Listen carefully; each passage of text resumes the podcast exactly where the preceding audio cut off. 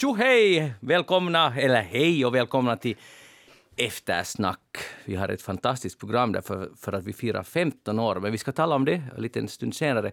Jeanette Björkus, välkommen med. Tack så hemskt. Är, du, är det inte lite roligt? Jag vet inte, alltså, du pratar nu så långsamt så jag försöker hålla mig också så här att ska vi ha ett lugnt tempo nu när vi har blivit så Det här går gamla? inte, för jag är helt speedad. Ja, jag vet. Jag är 15 år och det Du är... lyckas hålla det så där några sekunder. Sen, blablabla. Och sen har vi Mischa Eriksson här. Jajamensan. Ja. Välkommen med, rektor. ja, så säger de. Hur är det? Det är, inte, det är inte någon lätt tid att vara rektor i nu för tiden. Det är aldrig lätta tider att vara rektor. Ah, det är alltid ett krävande och utmanande yrke, men man axlar ansvaret så gärna. Om man är West Ham-fan så gör man Yes. det. Ja. Ja, Det det, är går bra, för, det går bra för dem också. Ja, det är sant. Och när har du köpt den här, eh, vad heter det, munkjackan? Munkjackan, jag tror att den här kom i våras. Jag tröstshoppade under coronatiden. Hej, min, kolla Jeanette, han har, jag måste berätta för lyssnarna, alltså det är en så kallad munkjacka som har ljusblåa ärmar. Ja. Okej? Och sen är det liksom bröstet är mörkblått. Claret and Blue som det heter, Nå, färger. hur som helst. Och skjortan under är vit och ljusblå. Grön. Den är faktiskt grön. En grön. Jag är Färg. Ja, ja, tyvärr. Har du blivit Ja, men färgblind det var- på äldre dagar? Ja. Titta nu, att de där ränderna där uppe, är de, vänta jag måste gå närmare. Vänta. Ja, de är alltså, jag, kan, jag kan nu vittna om att de faktiskt är det där ljusgrön. Ja, Han har en ljusgrön skjorta, för nu har jag också sett när jag gick närmare. Jag måste skaffa brillor. Ja. tydligt. ja. Men, men att... men lade du märke till de här banden som också är West Hams färger? Vinröda alltså. Ja. Ja, Efter programmet kan man se bilderna av Mischa när han sitter och gör någonting i en fåtölj. så är det. Jag heter Magnus Lundén och programmet alltså Eftersnack och vi firar 15-årsjubileum idag. Exakt för 15 år sedan, 27 november 2005, så lät det så här. Kära lyssnare, välkomna till Eftersnack, programmet där vi talar stort om smått och smått om stort, men också stort om stort och smått om smått. Det beror lite på hur det råkar sig och sådär. Ja, var det en fantastisk intro till hela vår gl- glorious 15 år? Jag är så stolt över det här Det var introt. bra. Stort och smått. Och jag hade, kommer ihåg, jag hade skrivit ner det i förväg. Gick det bra? Nej, nej det gick jättedåligt. Och sen när jag skulle ha först, presentera första temat, då var alltså Stan Sanila och Anna-Lena Laurén med i studion. Så, så jag tog ungefär någon fem minuter på mig att presentera det första ärendet. Man riktigt hörde hur Stan satt och knackade med fingrarna där Kommer han någonsin till saken? Eller ska Stan någonsin få öppna käften? Ja, ja men det, det gjorde han. Var inte orolig för den Sen saken. tog det inte slut. Men, men att det där, vi ska höra på några andra godbitar, men inte just nu, lite senare i programmet. Det där, eh, det som jag har tänkt på när det gäller det där första programmet var det att det var ganska viktigt på den tiden, för då var det så att ordern var att spela minst tre låtar i varje program. Och dessutom var det paus för regionala nyheter vid halvtid, om jag minns rätt. Så det var ganska lite tid för snack. Och nu kör vi 57 minuter nästan alltid utan musik. Vilken där Och föredrar utan nyheter. Ja, utan nyheter. Vilken där föredrar du, Jeanette? Jag tycker nog att det är ganska skönt att prata utan paus, Ja. faktiskt. Och den här musiken, det finns ganska mycket musik, men, men alltså just för att påpeka att det här med musiktrend, det är inte bara någonting som finns idag, utan det fanns också 2005. Att det var sådär, tala inte för länge, det behövs musik. Men, och jag gick på det där, för jag var ju ny och jag var aha okej, aha, det är på det viset. No, men då spelar vi musik. Och så var det väldigt viktigt att hurdan musik kommer du att spela? Och det skulle liksom sättas i en kategori, att är det nu 30-plussarnas musik? Så att jo, jo, det är det absolut, för jag var själv 35. Men jag, jag har ingen aning om det motsvarar det. Men så här, och att det, att det här nu, vi måste nå den här kategorin. Att det här Så det var inte nytt alltså? Nej, nej, man, man tror att det är något som har uppkommit nu, men det, var, det var, fanns då, det har säkert funnits för 50 år sedan också. Och det där, sen har vi ju aldrig kanske riktigt brytt oss om det. Nej. Nej. För vi- vilken kategori är till exempel Hosianna på samiska där på julen? Vilken? Jag säger, jag har svaret på det. Nå. 0 till 110. Ah, för alla. För alla. Fantastiskt. Hej, vi återkommer till det, vårt eh, stora, stora jubileum lite senare i programmet. Men nu måste vi tala tyvärr om coronaläget. Nu har det kommit nya restriktioner och rekommendationer och faktiskt så är ju nu 134 får sjukhusvård. Och det är förstås fortfarande lite, men det har stigit eh, helt klart de senaste veckorna. Och antalet som eh, bekräftade smittade har också stigit mm, för varje dag nu de senaste typ veckan. Nu igen frågar jag, jag är 21 på intensiven. Jag har inte tagit, tagit det här som en mätare på hur läget egentligen är. För jag tycker inte att, att det här att hur många som är smittade betyder bara att de är smittade och vi, man är sjuk, man är antagligen hemma och är snörvlig och några har det allvarligare. Men det här hur många som är på intensiven och på sjukhusvård är ju riktiga kalla siffror som man måste förhålla sig till. Så är ni nu oroliga, mera oroliga än i förra veckan? Misha? Mm, nej, det är inte, tycker jag fortfarande inte att siffrorna är oroväckande. Men om jag är någonting så kanske, hur ska vi säga, uh, tagen av stundens allvar. Att om det håller på att gå upp så är det ju en trend som inte vi vill att ytterligare förstärks. Att det har varit, tack och lov, att ta i trä och allt det här så att vi länge har varit redigt under då genomsnittskurvor i Europa till exempel mm. överlag. Men nu kan vi kanske inte gottas åt det mera utan, utan helt enkelt måste ha vad man på finska skulle kalla för en riktig like. Vad är det på svenska? En så här, Återställare. No, man måste nog ta en återställare. Man tar sig i kragen. Ja, ja. Rycka upp sig. Men stämmer det? Måste vi... Alltså, eller ska, ska, har vi inte ryckt upp oss hela hösten? Är det så att, att det har förslappats? Nej, förslappats är ju kanske lite att ta i, men, men, men, men det där med att ta sig i kragen så handlar det kanske mer om just att uh, det var ju faktiskt ganska isolerat i våras. Mm. Eller hur? Och så var det ju inte nu den här hösten. Det har ju ändå varit möjligheter, har funnits möjligheter att, att träffa människor, gå på bio och så vidare. och så vidare Fast det har varit liksom under vissa begränsningar.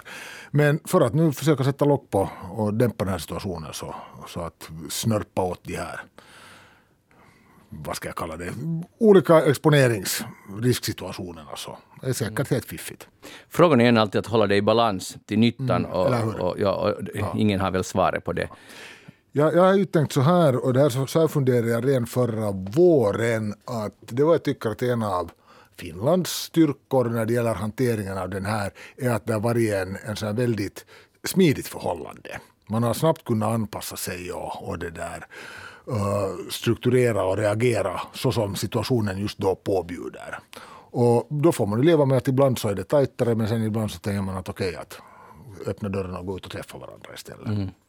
Och det här, det här tror jag att det är klokt. Att det inte hela tiden är liksom helt sån här laissez-faire där alla får träffa alla hela tiden eller sen att det är utegångsförbud och, och det där totalstopp för alla kontakter.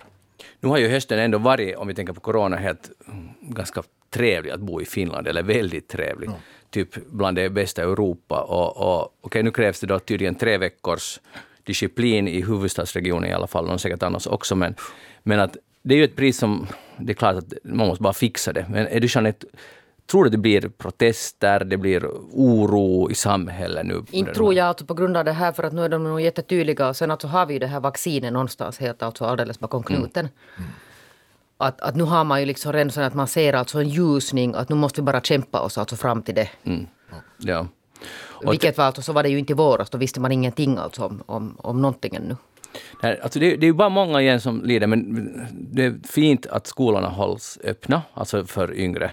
Gymnasierna är det ju väldigt knäckande. Är det, är det så att alla gymnasier i huvudstadsregionen stänger, men det är också utanför? Än så länge är det väl Nyland som har, det är 23 kommuner i Nyland och sen huvudstadsregionen som då har gått ut med de här. Det har väl inte fattats enligt den senaste nyhetssändningen som jag hörde några definitiva beslut ännu. Men här för ett par dagar sedan så var signalen här att, att det, där, det kan gå till att andra stadier stänger. Mm. Jo, det är ju inte så...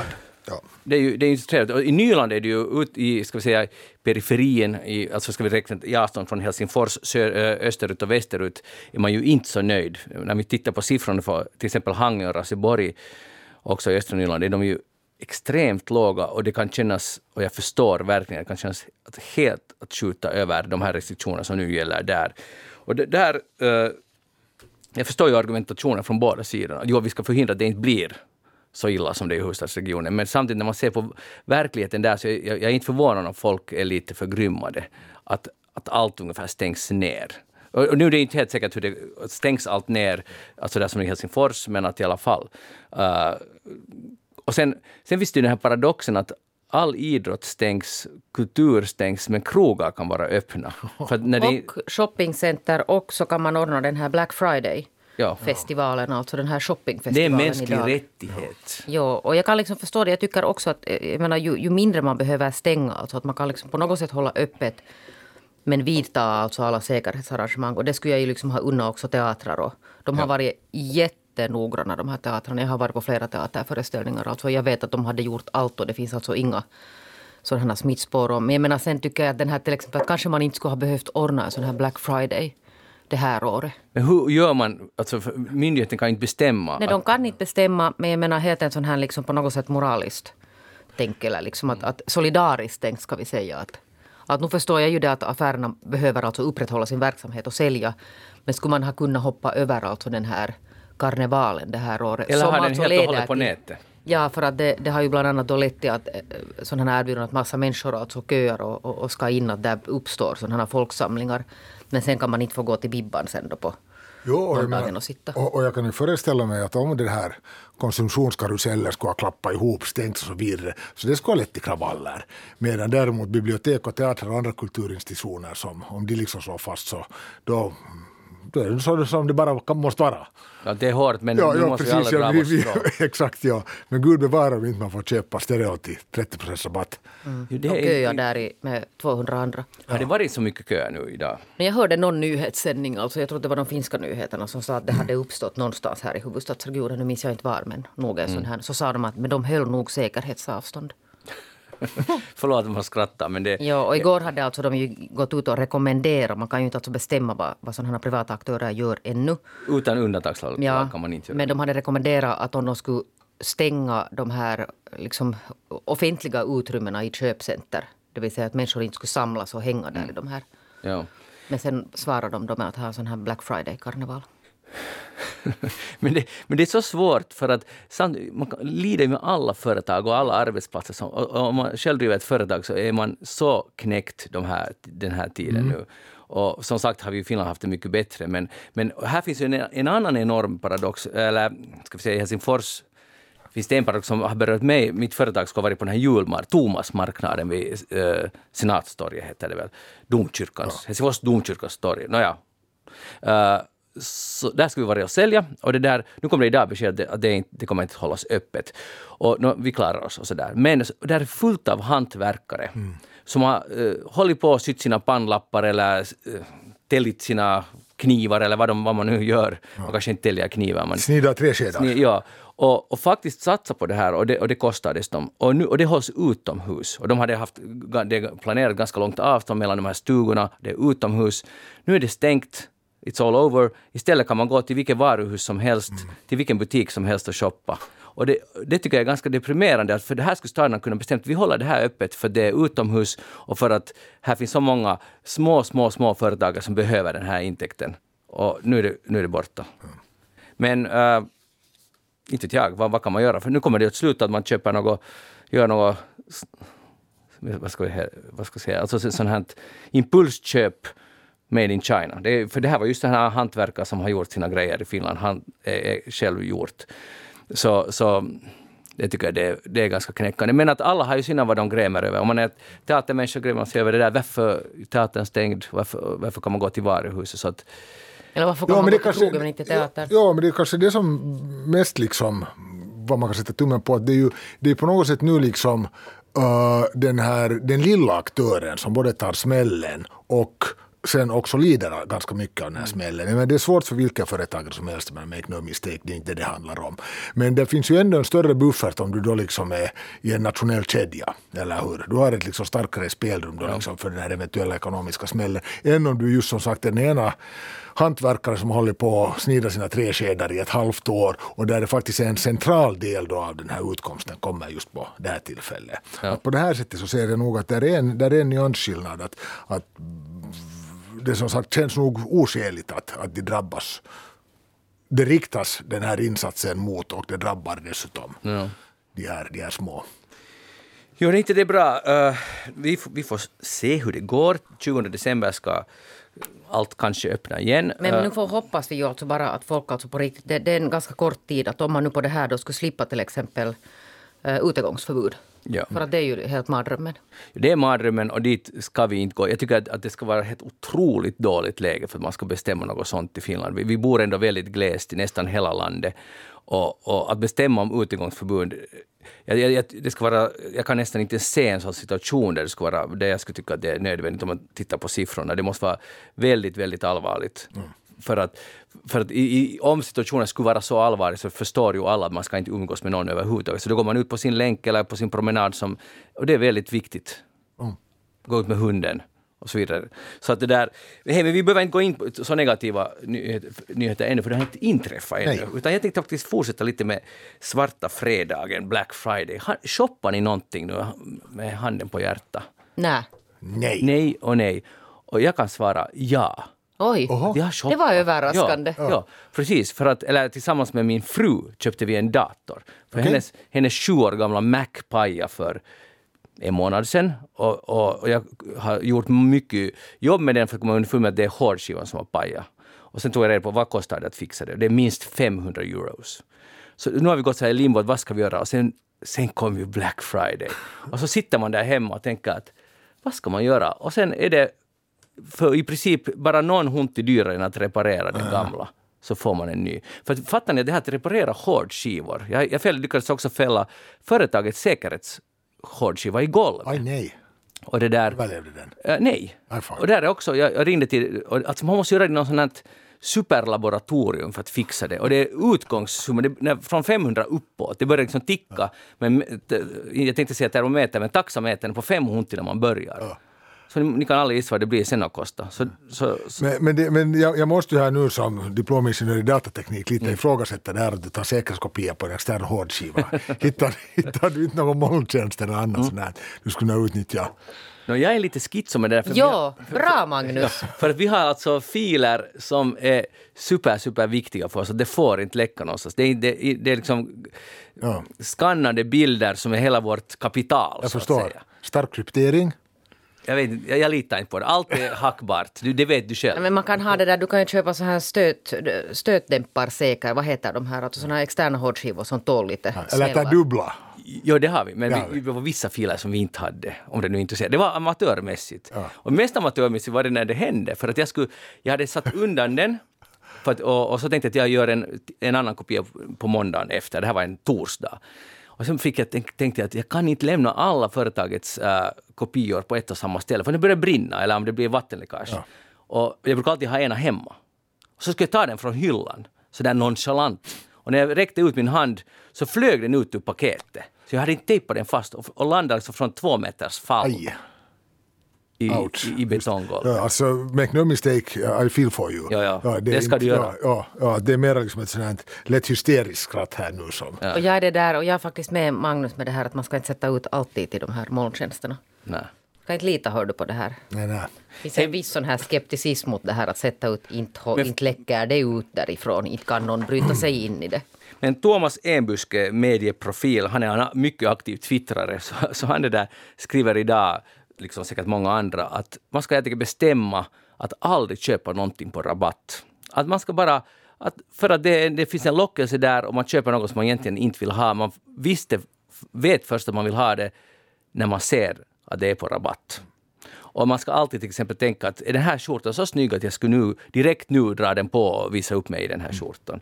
Så han har helt enkelt bestämt att han aldrig köper någonting. Ja, men, men han har så rätt. Han har så fullständigt rätt. Det var en hiskeligt bra artikel i Helsingin Sanomat. Det var, var det idag eller igår just om, om alla de här shoppingfällorna man går i när det gäller Black Friday. Just det här att, att inte här att jag betalar två hunti utan jag, jag sparar en hunti när Mm. du råkar köpa den. Även om du aldrig skulle vilja ha det. Eller sen den här, den här FOMO-effekten att när alla andra shoppar så nu måste jag ju också liksom få, få det där bränna pengar på något trevligt åt mig själv. Och jag, alltså min, min personliga syn på rabatterade priser är att jag blir arg när jag ser dem. Blir du arg? Jag blir, alltså jag blir helt objektivt och subjektivt och allt däremellan ilsken. För det här betyder att det finns ju ett fruktansvärda marginaler i de ursprungliga priserna. De kan dumpa den på det där sättet. Mm, eller så har de ett extra lager de måste bli av med. Nåja, Jag är lite intresserad nu, alltså förlåt mig, jag blev lite intresserad av den här försvarar du din konsumtion. Hej det där, nej för du behövde, alltså ni behövde den här, men alltså hur mycket alltså, på, på, hur nedsatt pris var den här datorn? Eh, jag tror att det är ungefär 200 någonting. Och, och sen kolla jämför det med en begagnad och den här var alltså i praktiken billigare än en motsvarande modell begagnad som jag, som jag skulle ha köpt. Och den hade två års garanti, den begagnade ett års garanti. Jag har aldrig köpt i mitt liv själv en, en ny Mac, jag köper alltid begagnade. Men de är, de är svindyra alltså. Jo, de är jätte... Jag har så just investerat i en ny Mac, men nu kan det nog hända att det kan inte ha varit samma modell som jag investerade i, för den, då talar vi nog om något summor. Nej, nej, alltså det här var ju en... Är det någon skillnad vilken modell? Men den här Ja, det är minsta, den här jättestor. Det är många tusen euros skillnad. Air. Jo, jo, men jag menar att okej, på det sättet är det skillnad. Jo, det här kostar alltså något 800 någonting. Okej, Ja. Nå, ja, det kostar Jo, inte min. men alltså datorer ska hålla länge. Det, det är jag tycker, deras plikt. Man, man får inte gå med på alltså Alltså han, han är krystat sju år ur den så du sju bra. år ur en sån här minimaskin är nog ganska hårt. Ja, och jag antar att den har varit i flitig användning. Jo, jo, varje dag. Ja, ja. Men det är intressant för det är min inställning till elektronik. Då blir jag arg. Inte på, jag blir inte arg på rabatterade kläder men på datorer som inte håller. För de är så pass dyra. Då Ja, ska de ja, hålla exakt. också. Ja. Men var det inte just var det inte just det där Apple-företaget som hade byggt in någon sån här tidsinställd bomb i sina produkter? Sluta nu vara sån där. Kan vi att gå efter, vidare Att efter, att efter X år så Ja, aktiverades någon process så- som, som, som bromsade upp dem. Ja. Jo, jo, de fick ju, sjuk, de fick ju Du måste sjuka ju lyssna böter. nu. Hej. Nu är det så att i det här programmet man får tala om allt men man får aldrig dissa Apple. Nej. Nu måste du lyda. Alltså, du är faktiskt det där gäst här och här i programmet. Han sa tyst nu. Nej, att man får gärna dissa Apple men jag tycker ändå att, att deras maskiner är bra. Men att det där, det- fortsätt Mischa. Jag tycker också två mot vara en. så här dissident. Det där, eh, just det, hej, när jag lyssnar på, på det där på gamla program, jag tänkte nu tala om det här 15 år med eftersnack, så lyssnade jag lite på teman som vi hade de eh, Första programmet var ju då alltså som sagt Stan Sanila och Anna-Lena Laurén och Jeanette, du kom med lite, lite, lite senare. Men alltså, där, jag håller ett passionerat inlägg, jag tänker inte spela upp det, för det är, lite, det är nästan pinsamt, men passionerat in, in, liksom inlägg om Skype att det här kommer att förändra allt. 2005, och jag, att jag, riktigt, jag, jag, det låter som jag ska börja gråta där i studion när jag berättar att jag har faktiskt snackat med en polare att jag diggar inte mobiltelefoner för att det är som man har där mot örat, det är lite jobbigt och allt det där. Men nu finns det ju Skype och så berättar jag hur det funkar. Fattar? Jag berättar att man sätter på mikrofonen och sen liksom det är via internet som man snackar med varandra. Och jag kommer inte ihåg det här överhuvudtaget. Och, och det värsta, de andra som är i studion, de är ah, wow, det är faktiskt bra. Det där är nog bra, det där kommer att förändra mycket. Och så sa jag att, ah, att jag har talat i flera timmar med en kompis med Skype. Man har ett användarnamn där och så söker man efter andra via. Så nu är min fråga, när har ni senast skypat? För det, det skulle förändra livet. Men vi skypar ju, att vi brukar ju skypa när vi har våra sidekickar på, på distans. ja, men det är liksom inte social... Jag ringer till Men är det, men är, WhatsApp-samtal. det, är det Skype-Skype? Skype, Skype, Skype. Ja, men eller är det WhatsApp-Skype eller Nej, är det Meet Skype, Skype. eller Nej, är alltså det det är den här Skype, eller- Skype, Skype. Skype-appen Skype. Den finns ju fortfarande Jo, absolut, ja. men jag tänker att det är lite som Napster. Att, Men jag, hade att där det- pratat i, jag har pratat i Ryssland med, via Messenger för inte jättemånga dagar sedan. Men det är lite som, som alla, allt det som är nytt, först blir man frälst och sen blir det bara en del, en ytterligare Mm. tillägg, en bricka i spelet. För att jag tycker att Skype är su- superbra men inte förändrar det mitt liv. Men du sparar ganska mycket pengar med att det börjar komma så att du inte behöver betala, Sant. alltså ringa med telefon och betala. Ja, absolut. Ja, ja alltså det är nu, precis. Det är spara, spara pengar och, och nu var det ju på något sätt som om framtiden 1 tu 3 var här när du hade videosamtal över dator dessutom.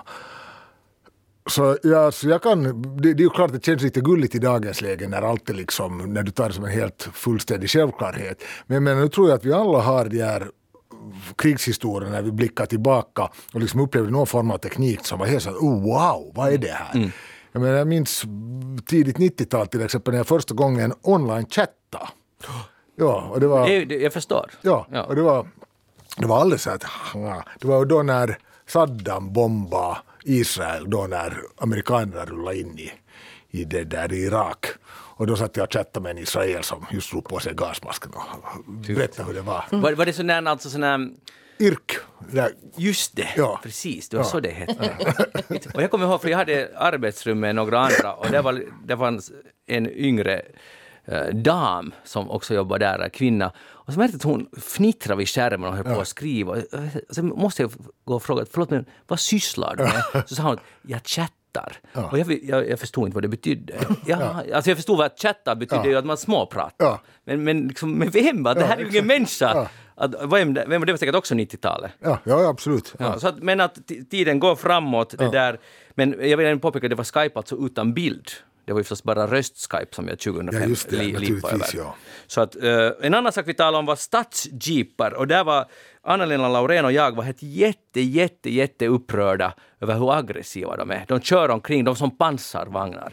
Och, och Stan eh, dissar oss totalt. Och nu tänkte jag fråga er, hur, hur var det? Hur slutade det här stadsjeep-problematiken? Är det, en, är det en grej någon snackar om, om överhuvudtaget fortfarande? Finns det sådana ens mera? Alltså nog finns det väl något slags, men inte det är ju någon sån här stor, det är ju mer sådana här personbilar av vissa märken som utmärker sig i stadstrafiken. Men, men är det, nu är man fortfarande kanske lite den inställningen, om inte man själv har en sån, eh, att man tycker att de lite... Det är något, upplever jag, lite för uh, pråligt i dem. Och, och då var Stans poäng just det att, no, att vem, no, man- någon annan kan tycka en Saab 99 att det är för aggressivt, att det är helt ens eget huvud.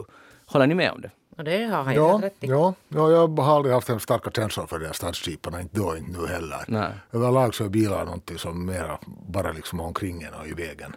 Ja, precis. Och, men det, det är bra insikt för, för att eh, jag är ganska lugn nu i förhållande till stadsjeepar. Jag har ingen, alltså jag bryr mig helt enkelt inte. Om nu någon vill ha en sån och det är dumt med tanke säkert på miljön för de, de väger så mycket och drar extremt mycket bensin. Jag tycker bara det är korkat. Men det är nu deras sak. Eh, det är också lite jordens sak, men jag menar man kan inte hålla på och jaga alla. Att, Så du har mognat lite? just det. Jag, jag, jag, skulle snarare, jag skulle just fråga, har du gett upp? Ah, nej, vet du, ja, kanske i den där frågan. Eller jag ska säga att man måste välja sina fighters. Äh. Man kan inte hålla på och fightas mot allt. Det blir, det blir jättetungt. Hej, men vet ni vad? Nu, Jeanette Björkqvist. Jag tänker fråga dig vad du har tänkt på under veckan som gått. Men först ska vi höra hur det, hur det lät 17 mars 2006 då du allra första gången var med i Eftersnack. Jeanette, vad är ditt tema idag? Jag, jag hade tänkt tala om, om, det, om det är rätt att föräldrarna ska betala så hemskt mycket för, för ungarnas skolresor och sånt här. Men så insåg jag att jag kan ju inte hela tiden hålla på och prata om, om saker som inte egentligen alls berör mig. Okej. Så jag beslöt mig sen för att prata om tobakslagen, för den berör ju mig. Nåja. Och, det där, och jag har varit lite sådär halvt upprörd över den här tobakslagen som är på gång. Inte egentligen för att den kommer utan för det att det var ju bara några år sedan man tvingade en massa krögare att göra en massa installationer och, och betala en massa kostnader för att bygga Men om. de hade också alternativet att lägga ner alltsammans. Ja, och det gjorde ju många. Ja, så det där säger nu inte att det är fritt, fritt val. Så du. Ja, och det som har alltså, jag har varit mest häpen över när, när man har diskuterat den här nya tobakslagen är då de här rökbåsarna. Och, och så ska man gå in dit och röka och så får man inte ta någonting med sig och så ska man stå där och bolma och så ska man komma ut därifrån. Och Berätta nu, alltså du, du röker regelbundet, du är en rökare och du det- röker på krog. Nå, det kan man ju säga. Ja, okej. Jag röker överallt Fortsätt. och också där jag inte får. Men utom, det har vi det här samhällskontraktet, eh, kontraktet här med eftersnack, att här inne röker du inte. Nej, inte ännu. Ska vi bli två? Fast vi har ju bara varit ja. här nu i 20 minuter, vi vet ju inte. Och vet hur många plåster jag har Ja, på mig? okej. Ja, men alltså till min glädje nu då så här i veckan så kom eh, riksdagens arbetslivs och jämställdhetsutskott. Det här tycker jag är fint. Arbetslivs och jämställdhetsutskott kom med ett uttalande om att rökarna visst ska få dricka inne i det här båset förutsatt att de bär ut sitt glas sen själva också. Jaha, okej. Alltså en så- gång till, så- så- man får dricka eller man får... Alltså, man får ta, alltså enligt det här utskottet så kan man ska inte man... förut i... För, Nej, nej, man fick inte alltså. Förut var det så, enligt förslaget, Ja. det som alltså nu snurrar omkring på, på Okej. sån här utlåtelserunda, så får man alltså bara röka där inne. Men om jag ska gå in dit och röka så måste jag lämna ölen utanför.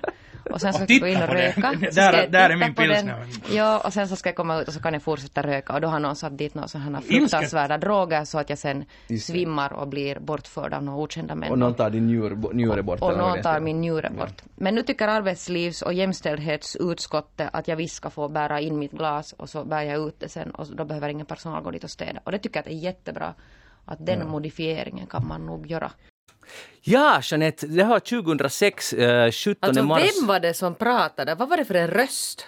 Det var Jeanette Björkqvist. Är du helt säker? Ja, rökande Jeanette Men Björkqvist. hörde ni det? Var så som den, oj oj oj. Men det var före puberteten. Ja, det, är Liksom. så, aj, det, är så, det har du Ja. rätt i. Jag Ja. var ju jätteliten. Det där, hur gammal var du? 20? Vad var, vad, hur gammal var Ja, du? 30 kanske. 30. Nå, nå, det där, och där, det där, jag, jag vill nu fråga dig, att, att överlevde du det här? Eller hur gick det sen alltså- med jag- rökbåsen? Men Fick man ta försökte- in drycken? Alltså det där, jag försöker att hur många gånger måste man uppdatera den här lagen för att det, det, det fick man ju inte sen alls senare. Och sen så fick man inte heller ha rökbås. Jag tror att det här var alltså någon sån här första eller andra uppdatering av den här. Men det hände, har ju hänt många saker alltså efter det här. Men man märker alltså... För Det här måste ha varit alltså när man förbjöd rökning inne på krogarna, alltså på de här all, alltså ni kommer ihåg, det fanns en Ja. tid när man fick röka överallt. Ja. Så det här var alltså säkert det här steget när man skulle flyttas in i ett bås. No, det, var det, det var säkert just då. Och det, det roliga är ju då det att du lever ett ganska annat liv. Du, du eh, skryter om att du, du röker vad som helst och kids kunde du inte bry dig mindre om. Nej, tänk- tänk att sådär, sådär mycket har det hänt. Men jag var ju det där, jag har ju varit alltså stora delen av, eller kanske inte stora delen men en, en betydande del av, av eftersnack var jag ju sån här citysinko. Just det, vad betyder det annars? Men det betydde ju att jag bodde i stan och, och, Och vara sing- och, och ja, single. ja, singel. Saknar du det livet? Nej, det gör jag Ja, nog inte. lite. Nå, nej. Mischa? Saknar Om du? jag saknar Eller det. har du någonsin varit sinko? Om jag någonsin har varit Föddes du- Stila från födseln. Ja. Han var bortgift redan när han var två. så är det. Bortlovad. Eh, nej, nej, goda minnen finns det ju därifrån men inte vet jag riktigt om jag skulle vilja bege mig ut igen i, i Helsingfors nattliv som singel. Det tycker jag skulle kännas lite... Speciellt inte när krogarna stänger tio. Exakt, ja. ja, ja eller, eller malplacerat. Lite sparvig tranedans skulle det nog vara. Ja, det är lite i torkan man ju med sånt. Alltså, vi, vi blir ju äldre, alltså det är ju bara... Ni, vissa blir, men Jeanette, Men jag tyckte bara att jag lät alltså otroligt jobbig. Alltså jag frågar här, här mitt i det här, att, att när tar det här slut? Jag orkar inte lyssna på mig själv. Alltså, nej men vem vill, alltså det är ju hemskt att höra på sig själv. Men så sen här, nej, nej, nej, så får jag inte liksom det sagt. Tyckte du att det var knarrig? Nå, lite sån här liksom, på, något sätt jättebarnslig röst. Men du var nu som sagt 20 år. Nå, inte var jag ju 20, nu var jag ju lite något, ett par år äldre. 35. Men vad har du tänkt nu på den här veckan, uh, Nå, 2020? Hör du, hör du. No, men nu ska jag höra berätta att nu har jag tänkt på sån här auktoritetsproblem och det här har alltså aktualiserats nu med den här boken som jag har skrivit. Så den här som dyker upp alltså i alla diskussioner som jag nu har haft alltså om och kring den här polisen som jag har, Kenneth Eriksson, Kentsu. Eh, och, och det har liksom kommit fram, det kommer fram i den här boken att han har sån här som man kallar då auktoritetsproblem. Och senast igår så hade jag den här förlaget livesändningen och där dök det ju, de har inte Kentsu alltså med men det, det kom igen den här frågan som att det är ett problem om man har auktoritetsproblem. Alltså vad är ett problem?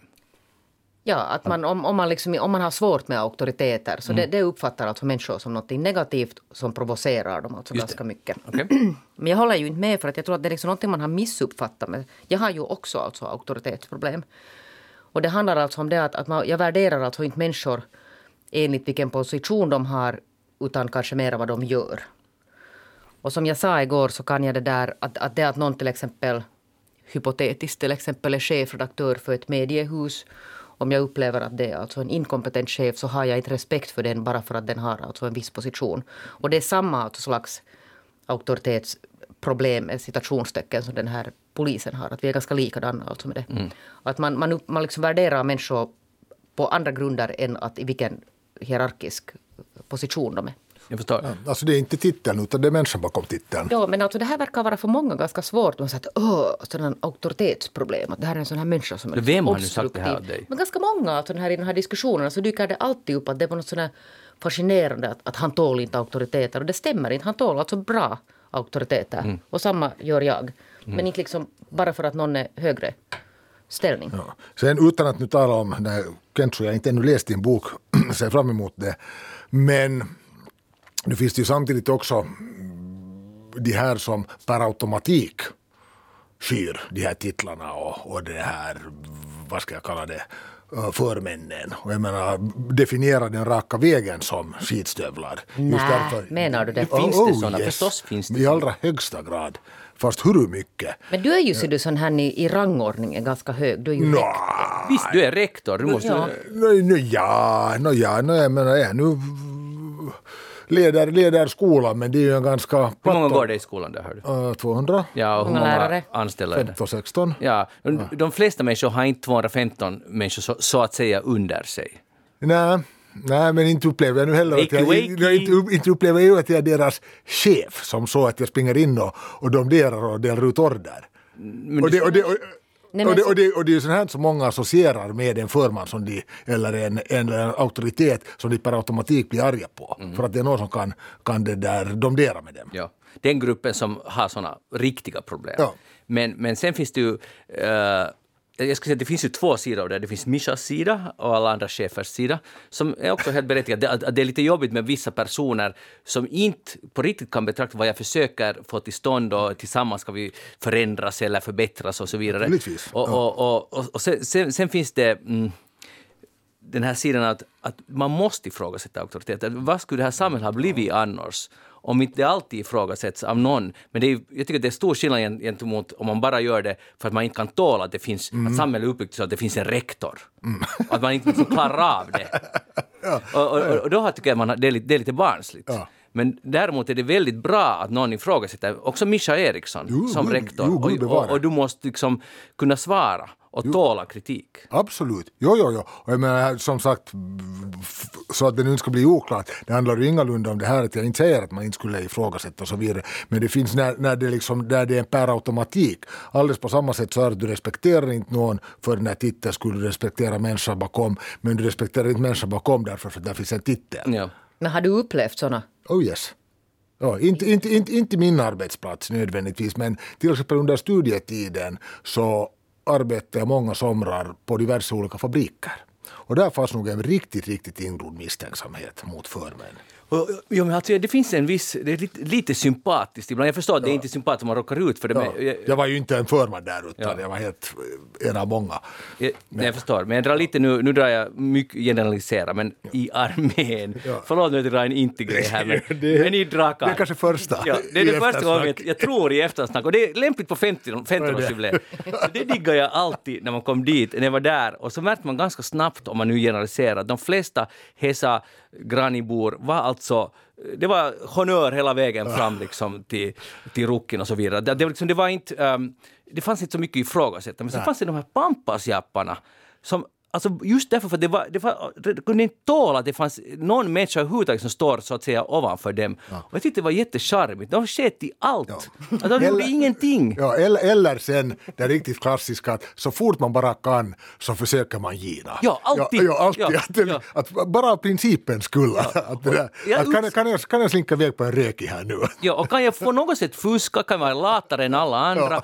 Och jag uppskattar på ett sätt, det var smarta typer. Ja. Men det var, liksom, det var i så i generna och det var sån skillnad på de här liksom, ständig i vakt. Och, och, och det var så, de flesta var ju där mitt emellan, men, men det var så tydligt. Ja. Jag, jag tyckte att, att på ett sätt, man kan inte säga att samhället går framåt, men jag är glad att det finns det här i samhället. Jo, ja, absolut. Ja. Så måste liksom- ett, ett vissa, vissa civilkurage, civil olydnad. Ja. Ja.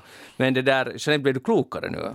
Nej, jag sitter alltså bara och tänker för att det finns alltså den här, för, att- för att det finns alltså den här gruppen då som inte är alltså sån här att man, att man bara för sakens skull alltså måste, måste motsätta sig auktoriteter utan det är liksom sådär selektivt hur man motsätter sig. Ja. Sån, sån är ju jag och den här min polis. Men det är ju det, alltså helt allvarligt talat, det är super, super viktigt. Att, och jag skulle önska att flera på det där sättet ifrågasätter. Och jag tycker själv att ibland blir man för mesig. Man måste ju ifrågasätta. Ja, och sen är det det att det, där, det som krävs alltså för att styra sådana här människor som mig, vi är säkert inte de enda, alltså, eller oss, är att det är en jättestark alltså, kom, sån här, vad heter det, kompetent chef. Mm. Men det är det att, att vem sätter upp kriterierna? Ur en chefs synvinkel så kan man tycka att Jeanette är jättejobbig för hon är aldrig nöjd. För du har själv bestämt att vara en bra chef. Vet du, att, att, Nej, men hörru, jag har haft jättemånga bra chefer. vet Jag jag har haft flera bra Men chefer. det är ändå du som bestämmer kriterierna. Men det, men det, det måste man ju göra. Alltså det där, Jo, men det kan vara lite frustrerande ur rektorns synvinkel att Jeanette är aldrig nöjd. Men jag är ju jätteofta nöjd. Varför säger du så, Mischa? Det, det gläder mig att höra. För Mischa är aldrig nöjd. Han vill bara ha så här lyd knähundar där. Stoj där. Okej, vi går vidare, annars blir det slagsmål här. Så är det. Det där, uh, Mischa Eriksson, vet, vet du vad, vad hände 5 januari 2007? Då var jag med för första gången. Ja. Kan du? Har du, hej, du har tatuerat? Se, där ser jag på din ja, arm. Ja, här. bröst- Just under min... Runt bröstvårtan står det “Never forget”. Ja, ja, exakt. Ja.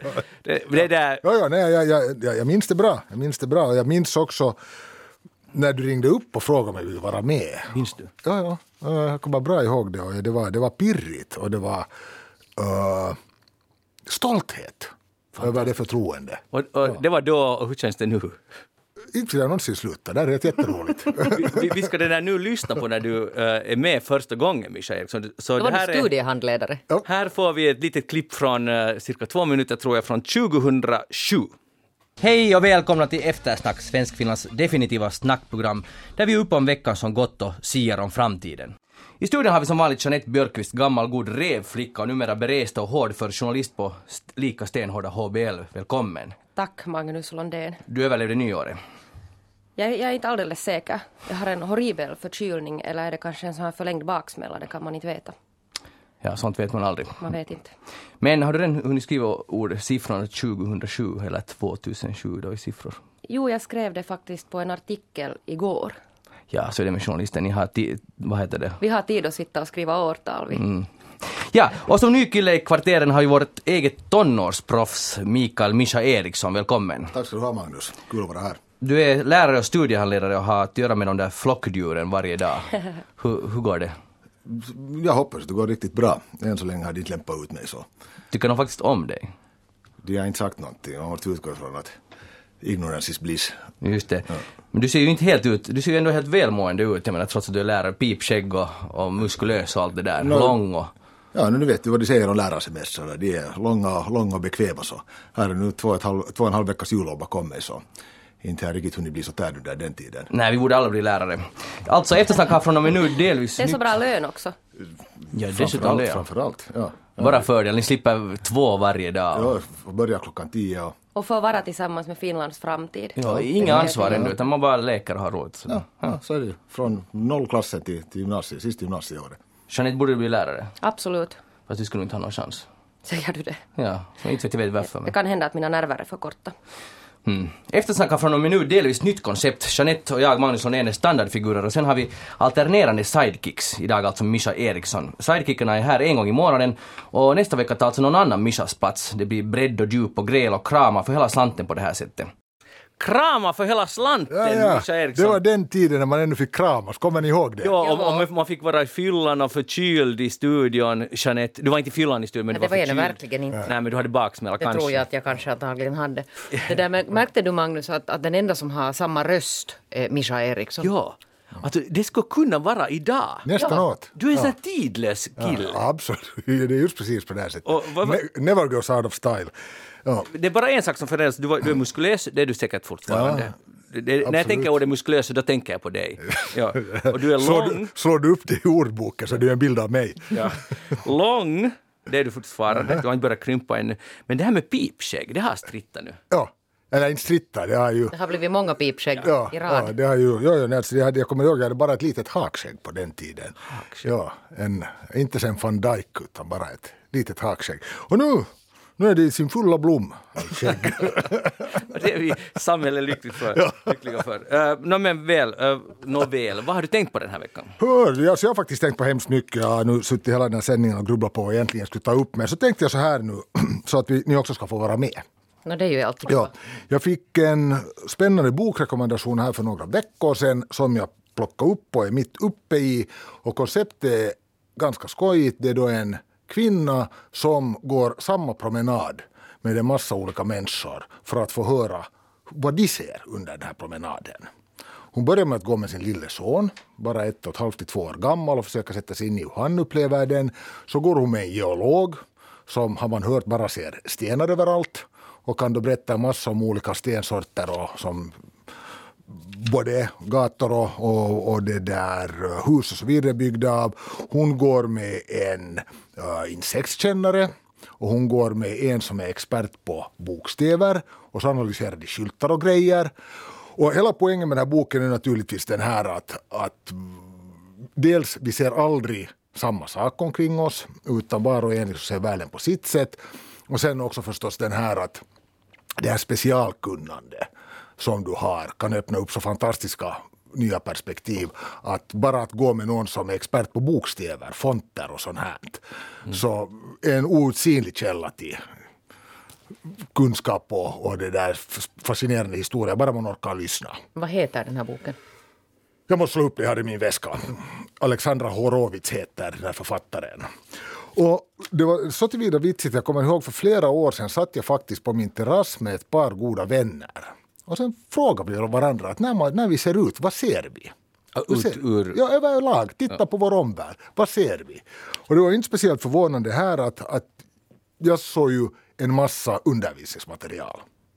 Min bransch helt enkelt. Att hur skulle jag använda det här i undervisningen. Hur skulle jag kunna beskriva till exempel ett fysikaliskt fenomen med det vad jag upplever här nu och så vidare.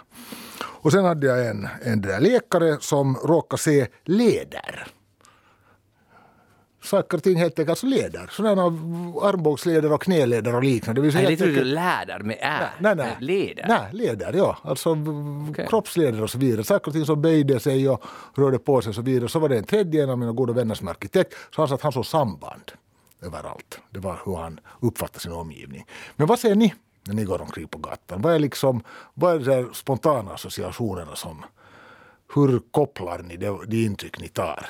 Oh, det är en bra, fin fråga.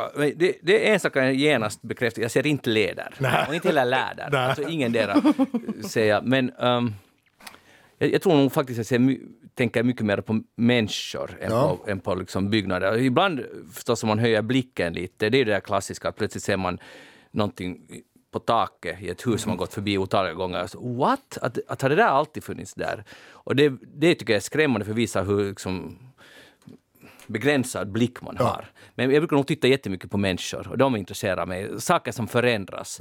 Försöka se ett sign of the times på det där sättet.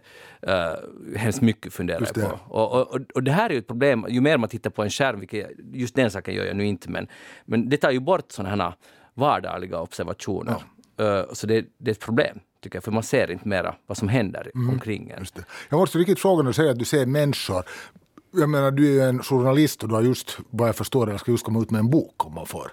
Ja, fast den är inte journalistisk. men- Nej, nej, det vet ja, nej, nej, utan ja. det är just därför jag tar fasta på det. Så jag menar, det är ju i allra högsta grad en, en story om människor. Mm. Så är det liksom, är det ditt journalistiska perspektiv som dyker upp då när du ser de här Nej, det kanske snar, jag skulle snarare hoppas att det är en nyfikenhet. Att jag, jag är ju jätteintresserad nog av människor och sen försöker jag hör, lyssna på samtal.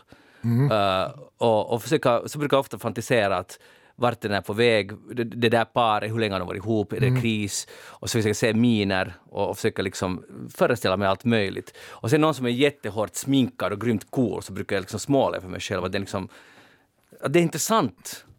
Nu är ju alla, varenda en människa är nog intressant. Jag vet att det låter lite idealistiskt, men, men så är det ju på riktigt. Så, så jag tycker att människan nog, nu är det, det är nog det jag kollar på. En busschaffis, checka någon i ögonen. Ja. Det, det är nog spännande. Ja. Jeanette, vad? Jag har exakt samma, alltså, men jag har ju sån här att jag till och med kan alltså bli och stirra på folk när jag försöker tjuvlyssna på dem. Och ertappa mig själv med att jag faktiskt försöker alltså lyssna på vad folk pratar och sen analyserar alltså deras relationer. Och sen ser jag ju förstås alltid om det är någon som det inte går så bra för. Brukar jag också lägga märke till. Vet, vet, vet, vet ni vad som är fascinerande på tal om att, att se människor som jag reagerar för de senaste åren? Uh, det är jättevanligt när du sitter på café eller restaurang eller, eller bar att du följer med någon första dejt. Jo, Eller hur? Och det du är jättefascinerande. Det är det inte. Du märker liksom att du har något Tinder, första Tinder-dejt eller den här stilen. Där de försöker trevande lära känna varandra och fråga att, "Nå, vad är du intresserad av och brukar du läsa böcker och annat sånt här. Och jag är alltid liksom lite sådär spetsar öronen åt det hållet. Att, att hur går det nu? Hur, hur liksom, hur Och hur gick det sen? Ja, eller mera det här att, att, det där att, att lyckas de hitta en, en, det där, en gemensam melodi att, att det där riffa på nu. Och och det är också det är hälsosamt på det sättet man märker att, som det nu heter i den här teaterpjäsen, vi är alla bara människor. Att Man märker hur platt det kan vara ibland. Man, man behöver inte alltid vara så smart. Alltså, förstår ni att det att alla kämpar vi där med, och just first date är ju inte något säkert, inte för att jag minns hur det var, men, men att inte var det ju något lätt. och det finns ju de här som man ser alltså genast, det här, det här blir inte Ja, ja någonting. exakt, ja. ja. De sitter Att där sitter ja. liksom på något sätt, det, är liksom, det, Ja. det, är bara, det är jobbigt. Ja, ja, exakt. Får du ja, ja. lust Jeanette, gå dit och säga hej, det är, spelet är slut, far hem. Ja. Ja, fortsätt. Fortsätt på varsitt håll. Ja. Ja, ibland skulle det vara bättre så. Men sen finns det också tragedier. Att jag kommer ihåg en gång när jag satt bredvid, eller borde intill, som det måste, eller det var eh, en äldre man som hade en mycket yngre kvinna. Och de hade då ingenting att säga åt varandra. Jag har ofta, alltså det här var alltså 25 år sedan tror jag. För jag kommer ihåg det var i Mariehamn faktiskt. Och jag har ofta funderat på att vad var grejen? Och hur, och hur kunde de vara ett par? De hade, alltså det var helt iskallt mellan dem, men ändå var de ett par. De kom dit, beställde tillsammans, satt de och petade i maten, steg småningom upp och sa egentligen ingenting. Och vi, vi, det, det var så svårt och vi började nästan att fnittra, alltså inte av elakhet utan vi, vi visste inte hur vi skulle reagera för det, var- det var på, något sätt så gastkramande. Jo, men här kommer, just, här kommer nu den här min yrkesskada in. Alltså nå, nu ser du någon mönster. Jo, jag ser genast att där är någonting, alltså kanske det inte var ett riktigt par, att kanske det var någonting annat om du sa att det var en klar åldersskillnad, att kanske det Men var bara... all, det finns, Jeanette, klara åldersskillnader i helt vet, hälsosamma relationer. Men det där, jag håller på med sån här privat brottsspaning. Min man sa att nu måste jag alltså lugna ner mig. Ja, och jag håller med din man, för jag har varit på krog med dig och du har sett allt möjligt som inte fanns där. Men det ska vi inte gå in på nu, eller, eller vill du Jeanette tala om det? nej, jag Nej, såg ju också där på det där vår gata så såg jag ju någon sån här inbrottstjuvar. Så jag sen gick dit och började liksom kytta på att månne de på riktigt nu någon sån här rånarliga här som spanar ju för Mm. Men, men nu har jag lite... Men, men, men, men man känner ju ibland, jag menar dels den här direkt, hur ska man säga, pinsamma tystnaden. Det vill säga när, eller, eller pinsamma misslyckanden i konversation. Att det, det ställs en fråga och det, eller någon försöker ta upp ett ämne och den andra är helt nollintresserad. Mm. Vet du vad du läser för bok? Jag läser inte böcker. Och så sitter man där och vad, vad ska vi då hitta på? Har du sett någon film? Jag är intresserad av filmer. Och det finns inte så här liksom viljan av att ens på något sätt ta lyra på det här och springa vidare med det här. Nej, och då kan jag säga att om man liksom hamnar, man hittar sig själv på en sån dejt. Ja. Så då, då rekommenderar jag att man stiger helt enkelt upp Ja, och säger att det här att- blir. Att det, är liksom, det är helt onödigt att dra ut, på, ut på den här. Ja, absolut. Ja. Men så finns det också de här gamla paren som helt enkelt har, så att säga, trivs i sin gemensamma tystnad. Ja, det är ju inget fel på det. Det är ju nästan vackert. Ja. Alltså, för det var, men det var inte den, det var en iskall tystnad då så. ja. Och enligt Jeanette så var det då något brottsligt pågick. Men att, men att alternativet är att det var två ålän- ålänningar som var lite trötta på varandra. Det är också Ja, en möjlighet. Ja, Och, och så hade de bredvid sig fnittrande stads Helsingforsbor. Jag hoppas att de gick skilda vägar och hittade lyckan som pratar med dem på annat håll. Mm, ja, det, det, det är möjligt att det gick just så. Vi, vi, vi får se. Men sen, sen, en sak är nu, det som är ju, jag tycker det är nästan tragiskt, är, och det ser man ju allt oftare, familjer, fyra, fem personer, och, och de väntar på maten. Och alla har skärmar. Alla har skärm. Ja. Ingen säger någonting åt varandra. Och då får jag lust att, att det här är just sign of the times, att s- sluta, snälla kan ni inte prata med varandra? Och det är ju inte min sak och det kan ju vara att de är hur lyckliga som helst. Ja. Men det ser inte så lyckligt ut, eller det ser lite problematiskt ut. Men det där kan man ju alltså sen då hänge sig åt sån här liksom också att man lite börjar titta på dem så där menande. Och gärna så att man har sina egna barn med som inte har skärmar. Ja. kan man ägna sig åt sån här social pressure. Ja, däm, dämma dem sig Du är alltid så uppbyggande. Ja, jag är inte. Ja, ja, Jag ja. försöker uppfostra sådär men utan att liksom ingripa för, för mycket. Men tänk lite djupare. Att, att, Jag tänk, tycker att det är helt fruktansvärt att titta tänk på att det har gått så. Eller sen det här att man faktiskt då är ute där och äter middag och så sitter de här barnen alltså med skärmen hela tiden. Föräldrarna Och hörlurar på. Prata. Jo. Ja. Men, det är, men det är ju också omständighet. Jag tänker ju så här när det gäller just skärmar till exempel. Att, att går man då ut restaurangbesök som gärna ska få vara liksom lite om inte nu högtidligare och festligare men ändå liksom ett trevligt avbrott i vardagen så då ska man ju verkligen lägga under skärmarna och så vidare.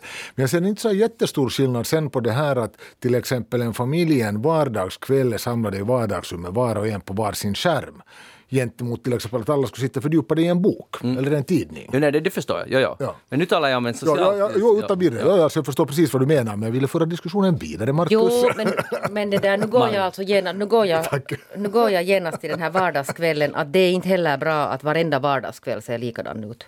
Nej. Att man sitter med sina skärmar. Man måste alltså kommunicera Han kan också. spela bredspel. Exempelvis så. Jo, och jag skulle nog... Eller gå ut. Alltså jag är så glad nu att du nu på vårt 50-årsjubileum har antagit den här uppfostrar och kriminalreporterrollen. Att du har så mycket att förbättra i samhället. Alltså familjerna och, och brottsligheten och, och auktoritetstron. Alltså, du har, det, det är mycket på dina axlar nu, Jeanette. Men vi litar på dig. Ja. Det, det, det är alldeles bra. Hej, en viktig sak. Eh, Tycker ni om zebrafinkar? Är det någon fågel? En fågel, en liten, så här, oftast i bur. Men det Den finns också... låter helt trevligt. Ja. Men jag vet nog inte alls vad du talar om. Okej, bra. Du, du vet, och Mischa vet inte riktigt, ärligt talat. Alltså att det var en fågel, det skulle jag kunna när som helst berätta åt dig. Men, men det är inte den här som den här ena boken. Det är möjligt, det vet jag inte. Det är det är någon sorts, Ja. Nej, det är inte säkert en småkusin till bofinken och så vidare. Men, men uh, egentligen ska jag börja med att fråga, hur många olika röster känner ni igen? Vet ni, ni hör en röst, ah det där är Kai Kunnas. Eller, Herregud, det är omöjligt att svara vad ungefär, vad skulle du gissa? Nå, Kanske f- 40. 40 ja. Och Mischa? nu eftersom jag ändå har ganska många röster omkring mig så trumfar jag lite. Jag säger 70. 70. Okej, men Jeanette, du är en riktig äh, zebrafink. För att Ja, ja, jag har alltid haft känt på mig Ja, också. och, och, alltså en zebrafink har ju en minimal hjärna. Ni kan ju själv tänka Lite som jag då. Ja, som Jeanette. För att zebrafinken känner igen i medeltal 42 olika röster. och det- upp till 50. Alltså den kan, inte röster utan förlåt, alltså läten från sina polare. Ja. Att den kan, det här är min mm, småkusin. Ja, där är Sebbe. Det här är Sebbe och, och, och, och det kan alltså, de har genom test på univers, universitetsnivå har de testat de här zebrafinkarna och kommit fram till att i medeltal känner varje zebrafink igen 42 olika läten från sina polare, från flocken. Det är ju helt otroligt. Jeanette, det Är det som liksom, du, jag menar, alltså, hur många röster tror du att du känner igen? mera än zebrafinken. Ja. Men jag, jag skulle ännu vilja trumfa med de här läderlapparna. Som ju faktiskt kan flyga Du menar fladdermössen? ja, fladdermössen tusentals, tusentals, tusentals, åter tusentals ut ur en grotta, blinda, utan att kollidera med varandra. Och sen när de flyger tillbaka så hittar dina, de sina egna småbarnspip.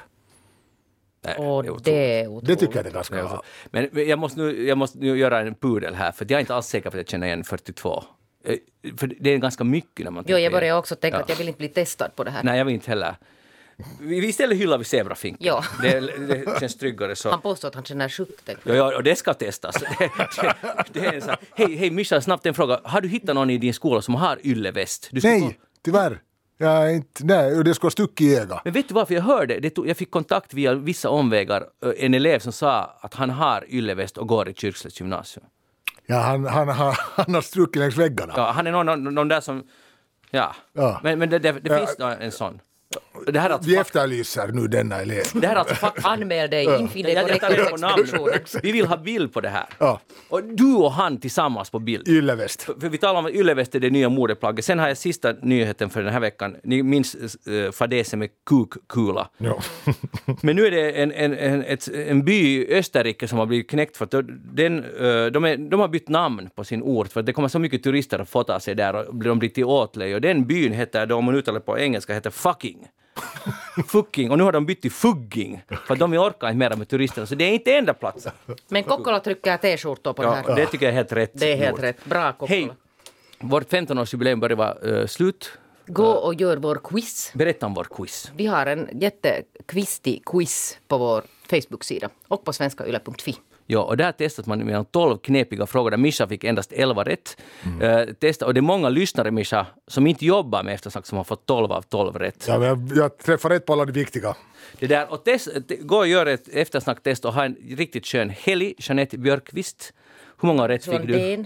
Hur många rätt fick du? 12 av 12. Ja, ja, det, skulle vara riktigt konstigt annars. Jag var med att göra frågorna. Mischa Eriksson fick alltså 11 av 12 rätt, men han är sidekick. Det var roligt att du var med här. Tack, tack. Kanske för sista gången det här. Max Skrivåri var tekniker idag och jag hoppas att Max också Han har får... säkert fått 13. Han fick säkert av 12. 13 rätt. Och jag heter Magnus Lundén, jag fick alla rätt också. Uh, Eftersnack är slut för idag och tack till alla lyssnare som under 15 år har hängt med och gett feedback och kritiserat och berömt. Fortsätt med det. Tack till er alla. Vi hörs igen. Hej då!